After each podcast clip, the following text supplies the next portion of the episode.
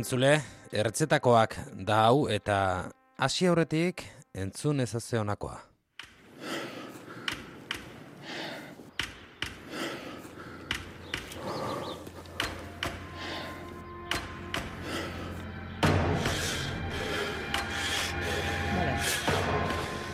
Alex eh, Onol, eh, paretan diak librean eta sokari gabe igotzen dituen lehen mailako eskalatze estatu batuarra da entzuten ari zaretena, lanean. Aste honetako gure ertzetako pertsonaia, Ez da bat ere ez ezaguna, ospe handiko kirolaria baizik, ertzetakoetan gaude, amaia ere nagarekin, kaixo amaia. Kaixo. Zerratik ikarri duzu, horren ospetsua den e, pertsona bat, ertzetako podcast honetara? Bueno, ospetsua, lemailako kirolaria, baina, bueno, Alex Honold, barkatu, funtzean ertzetako personai bat delako. Ertzetan ibiltzeaz gain, mendi haundien, e, orma haundien ertzetan ibiltzeaz gain, ertzez betetako personaia delako, eta gero baita ere, nahiko hipia, bitnik, bueno, horrelako zerbait esango genuke. Mm Sokarik eskalatzea, sokari gabe eskalatzea ez dago edo noren esku, e, gaina bizitzarriskuan e, e, iegunero jartzeu, eta e, hori eiteko kasta berezia behar da. E, kasta bereziakoa izatea behar da, ez? Oso e, gizona oso izara berezia du esango e, zentzu batean orain dela gutxi bere e, bere buruz ikustako reportaje batean aipatzen zuten baita ere e, Aspergen e, sindromea daukara, Aspergen sindromea da, Aspergen e, dala e, autismoaren e, ezaugarriak dituela eta e, pixkat nabaritzen zaio, ze e, zerbait erabakitzen duenean, azken muturraino eramateu. Mm e, gaina, bueno, e, Alex Honnold ekarri dugu gurera, ze justo Bilboko mendifil jaialdian e, bere pelikula bat ikusiko da, Free Solo deitzen da pelikula, National Geographikekin errodatutakoa, Seguruenek mendiari buruzko sinema maite dutenek ezagutuko dute, ze e, aurtengo e, Oskarretan e, dokumental honenaren saria mandiote, Bilbon ikusiko da, mendifilm jaialdian, hau abenduaren seitik amabostera izango da, eta aurretik bizkaiko eta arabako eh, hainbat herrietan ikusi ahal izan da. Eh? E, alata guzti zer hori free solo hau e, Bilbon izango duzu e, ikusgai, Alex Honoldi buruzko beste dokumental batzuk e, Netflixen ikusteik badaukazute baita ere, eta frisol honetan Alex Honolden eh, ametza nola lortu zuen islatzen da. Munduko paretarik ospetsu eta gogorrena sokari gabe eta bakarrik igo zuen The Nose, hau da sudurra ingelesez, gazteleraz el kapitan deitzen zaion pareta. Bueno, esango dugu, e, aurreratu diguzun informazioan amaia aipatzen zen igula Alex Onoldek eh, gutxi behar duela eskalatzeko, baina behar beharrezkoa duen zerbait musika entzutea dela, eta eskalatzen ari den bitartean entzutea gustoko duen musikaz lagundurik onbitea, urrengo minutuetan bere lana ezagutzeko. Eta tartean, amaiaren egakala ekarri digu, Eminemen Lose, lose yourself, behar beharrezko omendu, paretatik gora doanean. But he keeps on forgetting what he wrote down. The whole crowd goes so loud, he opens his mouth, but the words won't come out. He's choking how? Everybody's choking now. The clock's run out,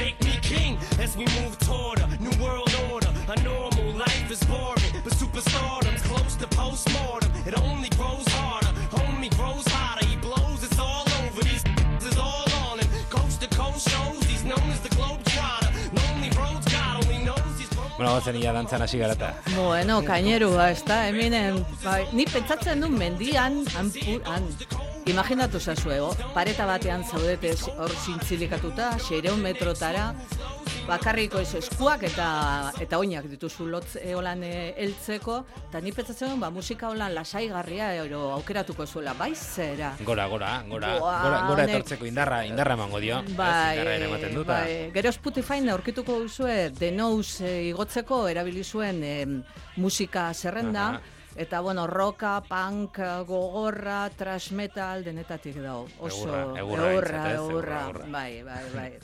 bueno, kontatuko ez, pixkate LS Honolden e, historia, hogeta mazazpi urte ditu, E, eta bere historia da Josemiteko parkeari oso lotuta dago, baita ere Josemiteko eskalatzaile mitikoei baita ere.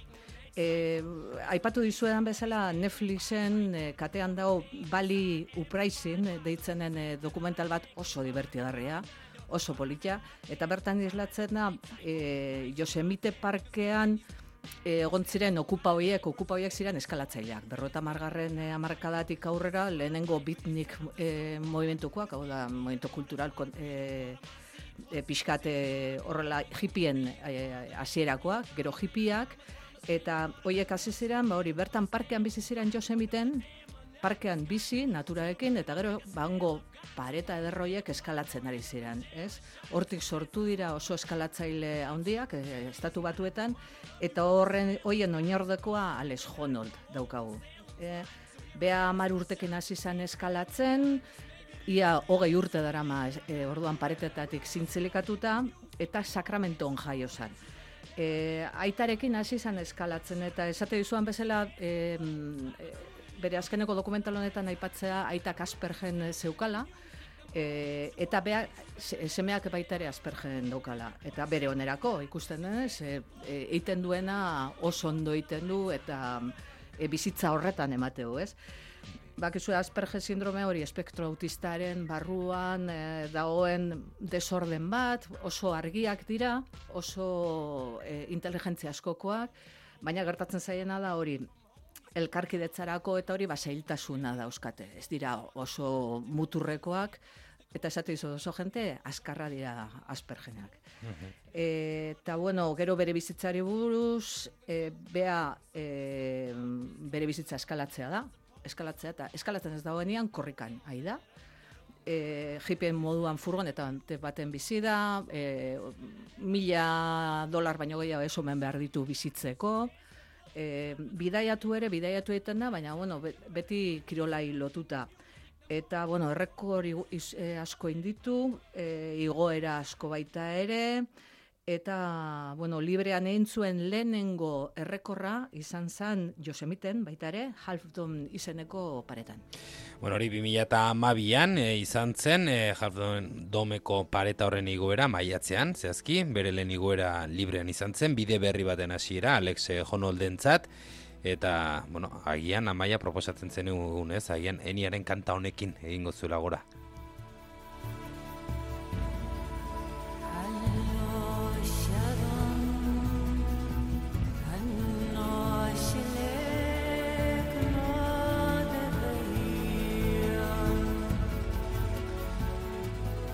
Dakit honekin gora egingo zen, baina honekin bai bintzat, eh, hango, ez, paraje ireki hoiek etortzen direla. Bai, gurera. bai. Antza, e, musika pixkatolan gogorra du gustoko, paretak igotzeko. Eta gero, korrikan eiteko eta ibiltzeko, ze eiteitu ibilbideak baita ere oinez.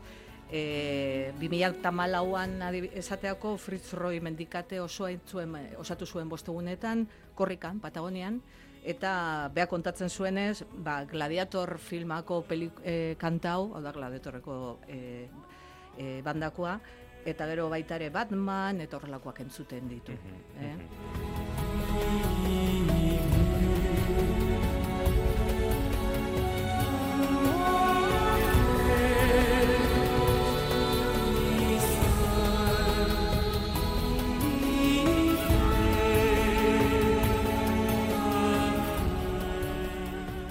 Ba, esaten dugun bezala, 2000 eta e, amabian, naztuta nago urteekin, Half Dome e, igo zuen, zeireun eta amar metrotako pareta ikoniko badau, eta bere izan zen, bere izan zen, bere lehen librea, hau da, sokari gabe, eskuak eta hankek, hanken laguntzakin bakarrik, eta e, kontuan izan den sekulako paretak direla izugarria Josemitekoak, tosotoki zora harria.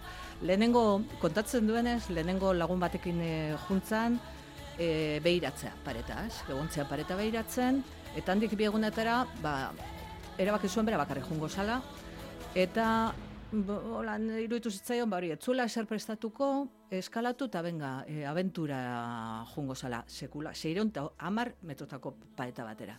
Egia da askotan sokarekin digo zuela, ez?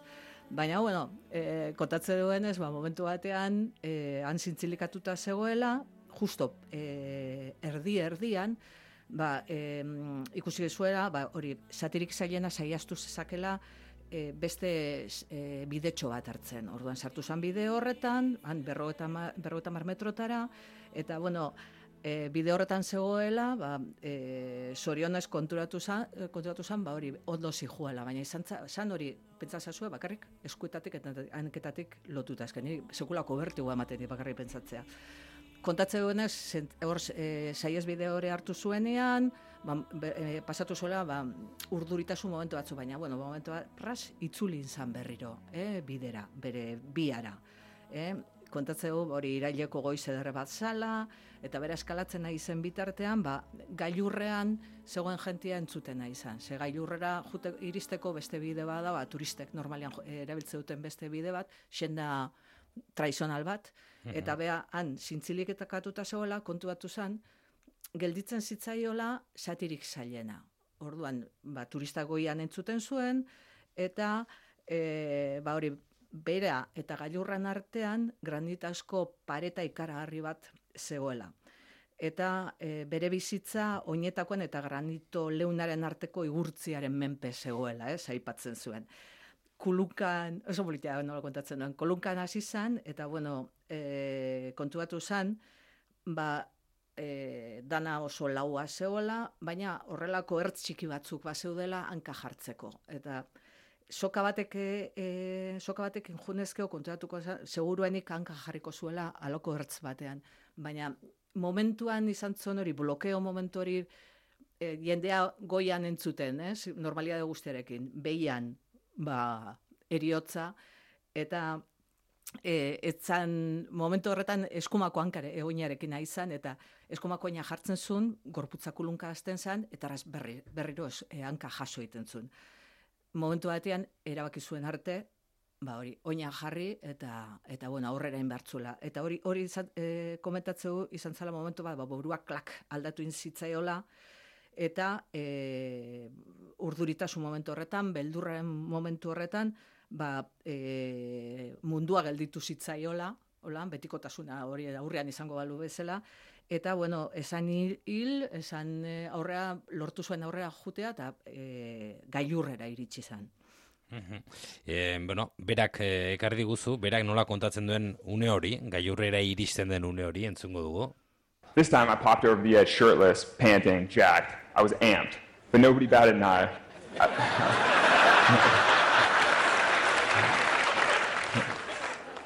I looked like a lost hiker that was too close to the edge. I was, I was surrounded by people talking on cell phones and having picnics. I felt like I was in a mall. I took off my tight climbing shoes. Jal, kontatzea da, jaldomeko gailurrera iristen direnak orokorrean sokak eta materiala eramaten dituzte, eta turistak karriturik bargazkiak egiten dizkiete. E, ni gailurrera heltzean, e, asaldu nintzen erdi bilusik, izerditan, oso urduri, eta inork ez ninduen begiratu turista galdu, galdu baten antza omen nuen, amildegitik gertu dagoen turista batena. Jendea bitartean telefono sari zen hitzeiten, jaten eta ura merkataritza gune batean egotea bezalakoa zen. Zapatiak kendu nitun, bidetik berako bidea hartu nuen, eta orduan jentia hurbildu zitzaidan, eta oinutzik alzoaz, eta hori aditu, aditu entzat da bakarrik. Some friends later made a film about it. But I was unsatisfied. Bueno, a rope eh, beritzak eh, ekarri dituguna gaur. Bueno, kasta berezikoa dela, ez? Bintzat, eh, Alex eh, Jonon dau, eh, ez duela beldurri sentitzen. Antza, ze 2006an burmuina ikertu zioten, e, ikerketa neurologiko bat egin zioten eta Nautilus izeneko aldizkari zientifiko batean argitaratu zuten. Eta antza ez, e, ez du gainera, gainentzekoak bezala beldurra sentitzen. E, esateako amigdala ikertzeko resonantzia magnetiko bat egin zioten Ego Karolinako Unibertsitatean. Eta entzuten ba, best, bere bineko beste eskalatzaile batekin alderatu, bestia zen erreferentzeko gizakia, eta e, biak e, ezberdintasun fisikorik ez zeukaten, amig, amigdala antza berdina zeukaten, baina amigdalaren e, erantzuna guztiz ezberdina zen. E, diruenez, e, irudi asko jarri zizkieten, iru- irudi intentzuak eta batea bestian atzean, eta beste eskalatzailearen e, burmuina, bueno, amigdala, irekiten bezala zirudien, eta bereak geldi-geldi. Gero beste froga bat entzioten baita ere, eta bere burmuinan jarduerari, jarduerari gabe jarraitzen zuen, eta zientzileariek esate duten arabera, ba beak e, ez du beldurrik pasatzen, eta, eta bueno, deliberatze hori burmuina erronka, bere burmuina, ero, bero, amigdala, erronka bat suerta daitekela e, zientzialaren dako, eta guretzat e, gainontzekoetan ulargaitza da baita ere, nola ez du beldurrik izaten egoera horretan, ez? Bueno, esango gu, 2000 amazazpiko ekainaren zazpian, beste marka bat hautsi zuela, kasu honetan, hiru ordu eta berrogeita amasei minutuan denaus mendiko free rider pareta igozula bakarrik eta sokarik gabe, bederat zireun da amalau metrotako mendilabar bat sokarik gabe igotzea bezala. Alex Honoldek, modu honetan kontatzen du eskalatzeko, bueno, bi modu horien arteko ezberdintasuna zein diren. Climbing with a rope is a largely physical effort. You just have to be strong enough to hold on and make Oh, the yeah. movements upward. So, sokarekin eskalatzeak alegin fisikoa behar du batez ere. Indarra behar duzu egin heltzeko eta igotzeko behar diren at egiteko. Baina eskalada librea buruarekin egiten da. Lan fisikoa oinarrian berdina da, gorputza korma berdina eskalatu behar du, baina lasaitasuna mantendu eta gauzak ondo behar dira. Jabetuta gainera akatz batek eriotza ekarri dezakela. Indar berezia behar da, izaera berezi bat, kasta batekoa izan behar da. And imagine the sensation of my leg reaching out and placing my foot just so. I'd imagine it all like a choreographed dance thousands of feet up. Bueno, hori bere, bere kontakizuna, eh? izketan erabila da, eh? Bai, Ez, hau da, bai, eh? itzaldi bat eman zuen, bai, eta oso xala daua konta, nola kontatzen zuen umorea hundiarekin. Egia da, momentu bat be, pare batean e, aipatzeula, ez duela, ez dakila zaitik, jenteak zaitik egiten dio parre. Zera, serio, bai da. Eh, hortxe da, Hori esango digu hori da, ze itzulpena berealako e, itzulpena entzuten ari zenak, e, esango zen, bueno, ez gauza serio ari zinela itzultzen, eta baino, bera ere gauza serioak ari zen Bai, esaten, baina- baina jendea ja parreza sartuta. Par, par, bai, parraure Ere, bat entzio. Bai, hain, hain mm, serio eta hain Bai, horrelakotatzeo, ba, bueno. E, Half Dome e, egin ondoren ez zan konforme gelditu ze sorteak hortxe garrantzia handia izan zuen. Juntzan pixkat, soro, bueno, soro puntu batekin, eta beak e- ez zuen hori lortu nahi. Lortu nahi du perfekzioa, ez? Orduan, e, bere urrengo erronka, de nous, e, san, ero, kap, e, kapitaina, ipatzen dugun e, mendia, san bere munduko pareta ikusgarrinetarakoa, ikusgarrinetarikoa, barkatu. Eta urrengo zazpi urtetan, egon zan prestaketak egiten. San mendirik e, haundiena, aipatzeu noizean behin, juten zala eta den noizi behira gelditzen zala, esaten zuen, bueno, aurten saiatuko naiz eta aix, ez urrengorako utziko dugu larregitxo iruditzen zitzaion, oso ik- ikusgarria da. Ez zuen gaina erdibiderik hartu nahi. E, kriston pareta da, tamaina handikoa, eta normalean eskalatzailek hiru ero, hiru egunetik bostera behar izate dute, behatzireun eta malau metrotako granito vertikal hori igotzeko. Beak hiru ordu eta berrota masei minututan entzun, eh? pentsa. E, zeukan e, la, sokari gabe, oinetakoak eta klairon poltsatxo bat, e, baten laguntzarekin e, soiliko gotzea ezinezkoa zirudien, baina beak lortu zuen. E, aipatzen duenez, e, egin behar diren milaka movimentu hoiek aurretik prestatu zituen guztiak buruan gordeta zitun, hau da aurretik sokarekin igotako mendi bada baita ere, beak eh, askotan igo zuen, entzuena esan prestaketa laun handia. Eta mi, behar zitun mi- milaka movimentu horiek memorizatu entzitun. Eta beak izatu hori da, izan dela e, bere lorpen handiena, eta horretik lortu zuela igo, igo zuen beak aipatzen du baita ere, lasai asko, igo zuen momentuan kontuatu zen, baita punturik zailenean e, gauzak ondo iten nahi zala, hangoian zintzelikatuta zegoela txoriak ikusi zitun, paisajea baita ere, ni bakarrik petzatzea beldurra emateit, baina gauzak horrela dira. Eta e, 2006 zazpiko ekainaren iruan, goizan jaik izan, esate du, esate du bezala, eguneroko mueslea gozaldu zuen bere furgonetan, eta argitu aurretik paretaren aurrean jarri zan, eta esan zuen gaur da eguna.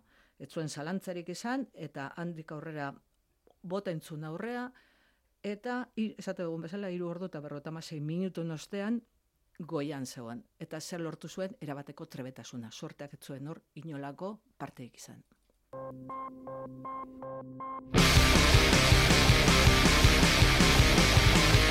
Bueno, ba, amaia gure esango dugu, Alex Jonodi, kasu honetan, en, ez, zure ustez paretan entzutea gustoko duen kanta batekin Bai, esan bai, diguzu, bai, ez? bai. Seri talkianen Empty Walls eh, kanta.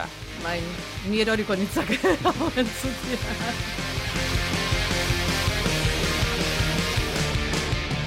Gogoratu ala eta guztiz ere, Free Solo dokumentala Bilboko mendi film jaialdean ikusgai izango duzuela, eta hori Oskarra lortu zela, e, 2008ko dokumentalik onena. Eta gogoratu, amaiaren jagaren ertzetakoak eh, podcast eh, plataforma guztietan eskuragarri duzuela, eta naiz irratian baita zuzenean ere, eta irratia.naiz.eusen. Amaia, mi esker, Urrengo arte. aio!